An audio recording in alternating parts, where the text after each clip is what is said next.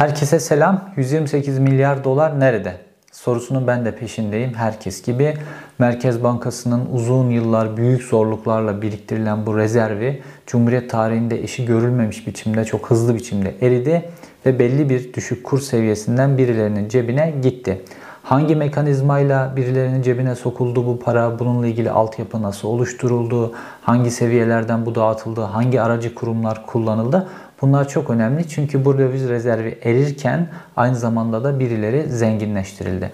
Şimdi 128 milyar doların peşindeyken bir de bu kayıp 50 at meselesi çıktı. Adalardan Hatay'a gönderilen kayıp 50 at.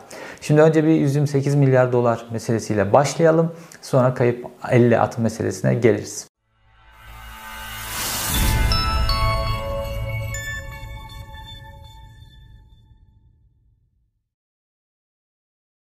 Merkez Bankası'nın döviz rezervlerini eritmeye karar verdiklerinde daha doğrusu Türkiye'nin bütün kaynaklarını böyle adım adım adım tüketip en son Merkez Bankası'nın döviz rezervlerine geldiklerinde önce bunun bir altyapısını oluşturmak için 2017 yılında bir protokol imzaladılar.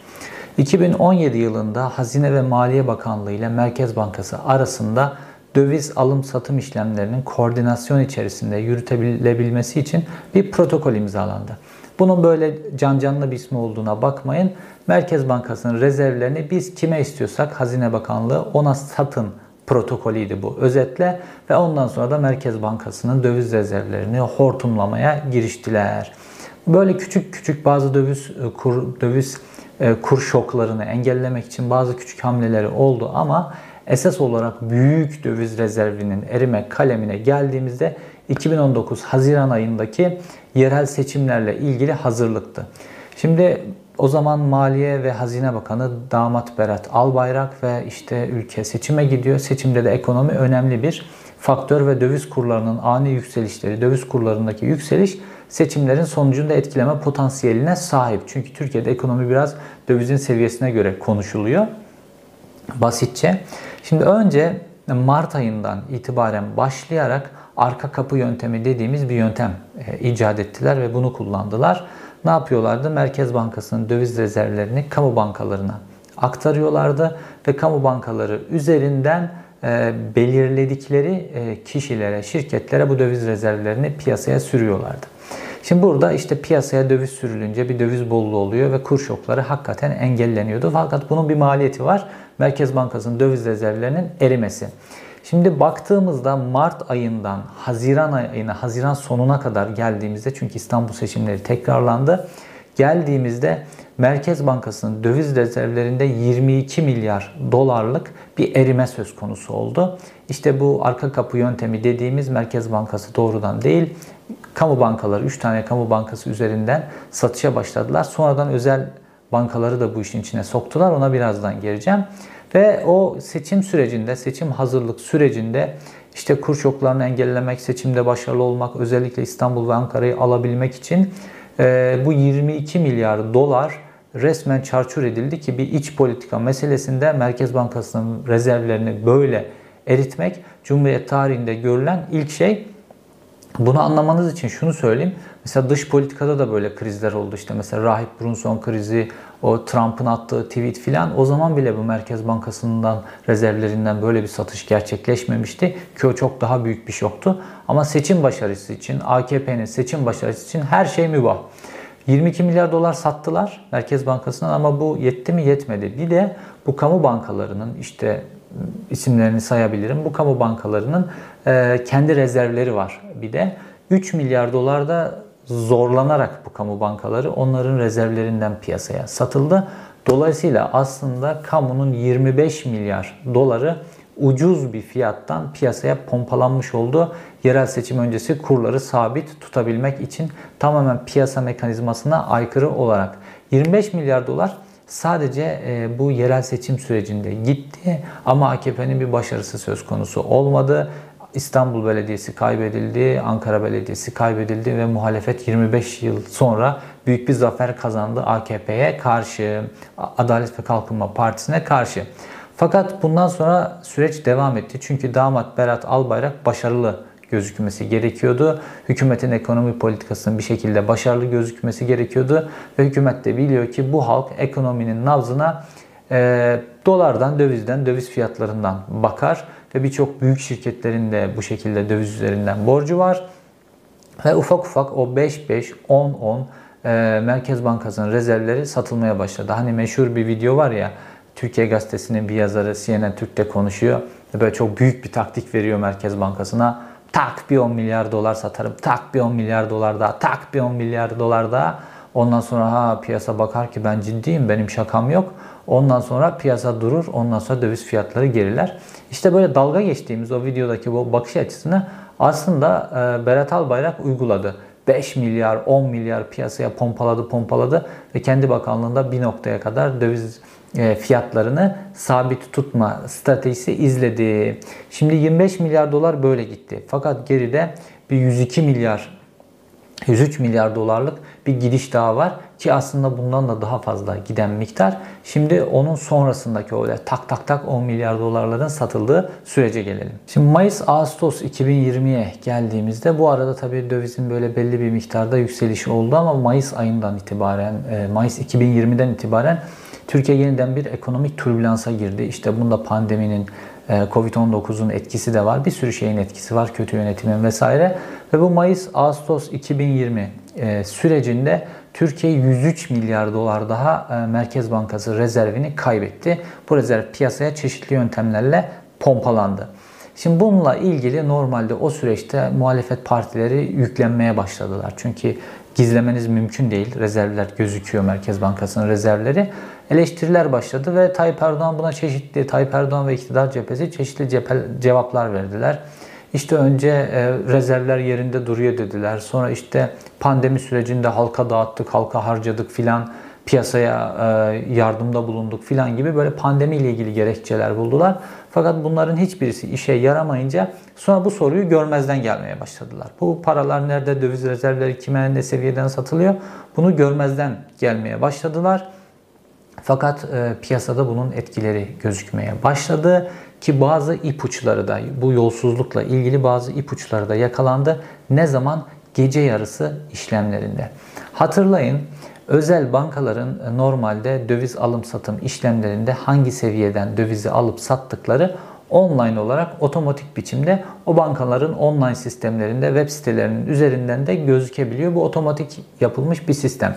İşte bu sistem bize çok önemli bir ipucu verdi. Şimdi bankacılık yasaları çok sıkı olduğu için bankaların isimlerini verme, veremiyorum.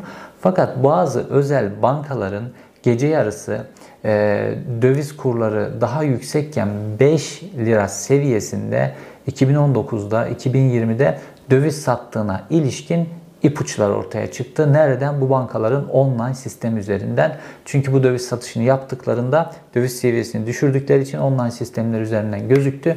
Ve bu online sistemlerin işte caps'leri, fotoğraflarını çekenler bunu sosyal medyadan paylaşmaya başladılar. Fakat bu kişilerin kendileri o fiyattan dövizi almak istediklerinde özel bankalardan alamadılar. Bu bize neyi gösterdi? Bir mekanizmanın işleyişini gösterdi. Yani bu 128 milyar doları nasıl erittiklerine ilişkin mekanizmayı ortaya çıkardı. Şimdi bu mekanizmayı özetleyeceğim size. Şimdi e, şu hedef biz e, siyasi ikbalimiz için, hükümetin başarılı gözükmesi için ya da seçimleri işte kazanabilmemiz için e, döviz kurunu belli bir seviyede tutmak zorundayız. Bunun için de piyasaya döviz pompalamak zorundayız. Bunu yapacağız. Şimdi bunu yapmak için işte protokolü de imzaladık e, Hazine Bakanlığı ile Merkez Bankası arasında. Fakat bunu yaparken de ya bu dövizler madem piyasaya ucuz fiyattan gidiyor, el aleme gitmesin, bizim adamlara gitsin. Bunu da düşündüler bir taraftan. Her zamanki mantıkları. Dolayısıyla da bunu yapabilmek için de yeni bir mekanizma gerekiyordu. Şimdi normalde e, Merkez Bankası üzerinden e, kamu bankaları kullanılarak bu döviz pompalanıyordu. Fakat bunlardaki her şey kayıtlı, kuyutlu filan bunu bir özel sektöre çekip, özel sektör alanına çekip devletin mesuliyeti, kayıt kuyut filan alanından çıkarmak gerekiyordu. Çünkü özel sektör istediği fiyattan satmış olacaktı dövizleri. Dolayısıyla Merkez Bankası bu ucuz dövizi ucuz fiyattan, piyasa seviyesinin altındaki fiyattan özel bankalara da pompaladı ve bu özel bankalara işte hükümetin güdümündeki iş adamlarının sahibi olduğu bankalara bu dövizi bu fiyattan şu şirketlere, şu kurumlara, şu şahıslara satacaksınız diye listeler gönderildi ve akıl ve mantık dışı olarak işte o merkez o işte özel bankaların online sistemlerinde gördüğümüz son onları da kapattılar işleme zaten. Gördüğümüz satışlar buydu. Ya piyasa fiyatının altında özel bir banka döviz satıyor. Akla mantığa mümkün mü? Ve bununla ilgili o bankalar da ertesi gün bazı bankalar da açıkladılar. Böyle can canlı laflar işte piyasa sığlığı nedeniyle döviz fiyatları gece saatleri itibariyle piyasa seviyesinin altında gerçekleşti. İşte bankacılık e, dengeleri açısından satmak gerekti şu bu gibi hiçbir mantığı olmayan hiçbir ekonomistin ciddiye almadığı açıklamalar yapıldı ve mekanizma böyle işledi. Merkez Bankası rezervleri özel bankalara aktarıldı, kamu bankaları aracı olarak kullanıldı ya da kullanılmadı ve bu özel bankalarda özel banka olarak kendi kararlarını verip belli şahıslara, kişilere, şirketlere çok ucuz piyasa fiyatının altında döviz sattılar. Bunlar hedeflenmiş kişilerdi. Merkez Bankası'ndan o bankalarda dövizi belli bir noktada aldılar. Üzerine küçücük kar koyup onları sattılar. Alan memnun, veren memnun, alıcı. Ama aslında burada çok büyük bir dolandırıcılık söz konusu. Ve belli kişilerin cebine çok büyük miktarda piyasada döviz bulunamazken çok büyük miktarda ve iyi fiyattan döviz girdi. Ve herkes gibi, hükümet gibi, onlar da herkes gibi dövizin adım adım adım yükseleceğini bildikleri için bu yükselişte de kurlar yükselince de bu döviz ucuz fiyattan aldıkları dövizleri bozdurdular ve çok büyük bir yani 128 milyar dolarlık bir meblağdan bahsediyoruz. Çok büyük bir rant oluştu. Ve bu rant birilerinin cebine girdi e, ve bu ranttan e, özellikle iş adamları e, ve belli şahıslar bu ranttan çok büyük miktarda yararlandılar. Hükümet açısından da piyasaya döviz sürüldüğü için döviz kurları belli siyasi dengeler e, sürecinde belli bir noktada tutulmuş oldu. Fakat kaybeden ne oldu? Türkiye'nin 128 milyar doları Merkez Bankası'nın çok büyük zorluklarla oluşturduğu rezervler eridi. Şimdi bu para tabii ki buharlaşmıyor. Bu para var. Merkez Bankası'nda hani o parayı çalıp da böyle bir yere vermiş değiller. Bu, bu bir mekanizmayla eritildi ama var ama ne olarak var? Merkez Bankası'nda bu paranın karşılığı Türk lirası olarak var şu anda. Ve düşünün Merkez Bankası istediği zaman Türk lirası basabilme kabiliyetine sahip bir e, kurum ve bu Merkez Bankası'nın esas olarak dövize ihtiyacı varken şu an Merkez Bankası'nın bütün varlıkları Türk lirası olarak bu 128 milyar doların karşılığı var. Fakat Merkez Bankası'nda belli bir yükümlülükleri var. Piyasada hani bir 70 sente muhtaç durumunun oluşmaması, şirketlerin işte borçlarını döviz e, cinsinden ödeyebilmeleri vesaire için Merkez Bankası'nın piyasada bir şekilde döviz bulundurması gerekiyor. Bunda ne yaptılar? Yerine borç yoluyla küçük parçalarla koymaya çalıştılar. İşte biliyorsunuz Katar'a, İngiltere'ye gittiler. Yalvar yakar swap anlaşmaları vesaireyle işte borç olarak bu paralar buralara geldi ve bunu piyasaya kullandırtıyor. Merkez Bankası döviz ihtiyacı olan kurumlara, döviz ihtiyacı olan işte ne bileyim mesela BOTAŞ doğalgaz borcunu ödüyor döviz olarak bunun gibi e, ve bankaların da yükümlülükleri var. Bu şekilde kullanılıyor. Fakat bunun çok büyük bir faturası var. Şimdi burada oluşan o büyük çöl, o büyük çöl e, ileride herhangi bir hükümet e, göreve geldiğinde halının altına süpürülmüş, gizlenmiş, türlü oyunlarla çevrilmeye çalışılmış bu büyük enkaz yeni hükümetin karşısına çıkacak. Fakat bunun çok da önemli bir faturası da oluşacak Adalet ve Kalkınma Partisi'ne yönelik. Dolayısıyla Adalet ve Kalkınma Partisi'nin en yumuşak karnı bu. Şu an Adalet ve Kalkınma Partisi'nde hani bir aralar nasıl 17-25 demek yasaktı ya. Şimdi Adalet ve Kalkınma Partisi'nde 128 demek yasaklanmış durumda. Ve işte muhalefet de bunu iyi keşfetti. E, işte Canan Kaftancıoğlu iyi bir siyasetçi. İşte Kılıçdaroğlu 128 milyar dolar pankartıyla grup toplantısını yaptı. Ardından Canan Kaftancıoğlu bütün İstanbul il ilçe teşkilatlarına 128 milyar dolar pankartı astı. Ve hükümet ne yaptı? İşte klasik bildiğimiz savcılıktan bir karar çıkartıp özel harekat polisleriyle 128 yazılı pankartları aşağı indirdiler. Millet şimdi işte taşın üstüne yazıyor, tırnağına işleme yapan var, bilmem bir sürü şey yapan var. İnsanlar bu 128 milyar dolar peri, hesabının sorusunun peşine düşüyorlar. Çünkü bu bizim kaybedilen paramız ve hükümetin de yumuşak karnı. Neden? Şimdi bu paraların hangi mekanizmayla mantıksız biçimde piyasa fiyatlarının altında satılarak kimlere rant oluşturulduğuna ilişkin devletin kayıtları var. Bu nasıl kayıtlar? Bunlar hem Merkez Bankası'nda hem de e, Bankacılık Düzenleme ve Denetleme Kurulu'nda 5 yıl süreyle kati olarak e, saklanması gereken kayıtlar. Bunlar hem dijital olarak saklanıyor hem de ıslak imzalı olarak. İşte döviz e, miktarı ne kadar, hangi aracı kuruma, kime, ne kadar satılmış, Merkez Bankası ve hangi mekanizma kullanmış bunların hepsi kayıtlı. Dolayısıyla bir iktidar değişikliğinde bu kayıtlar ortaya çıkartılacak ve çok kolay biçimde bu 128 milyar doların nasıl buharlaştırıldığına ilişkin bir soruşturma e, oluşacak ve bu en güçlü soruşturmalardan bir tanesi olacak hükümete karşı.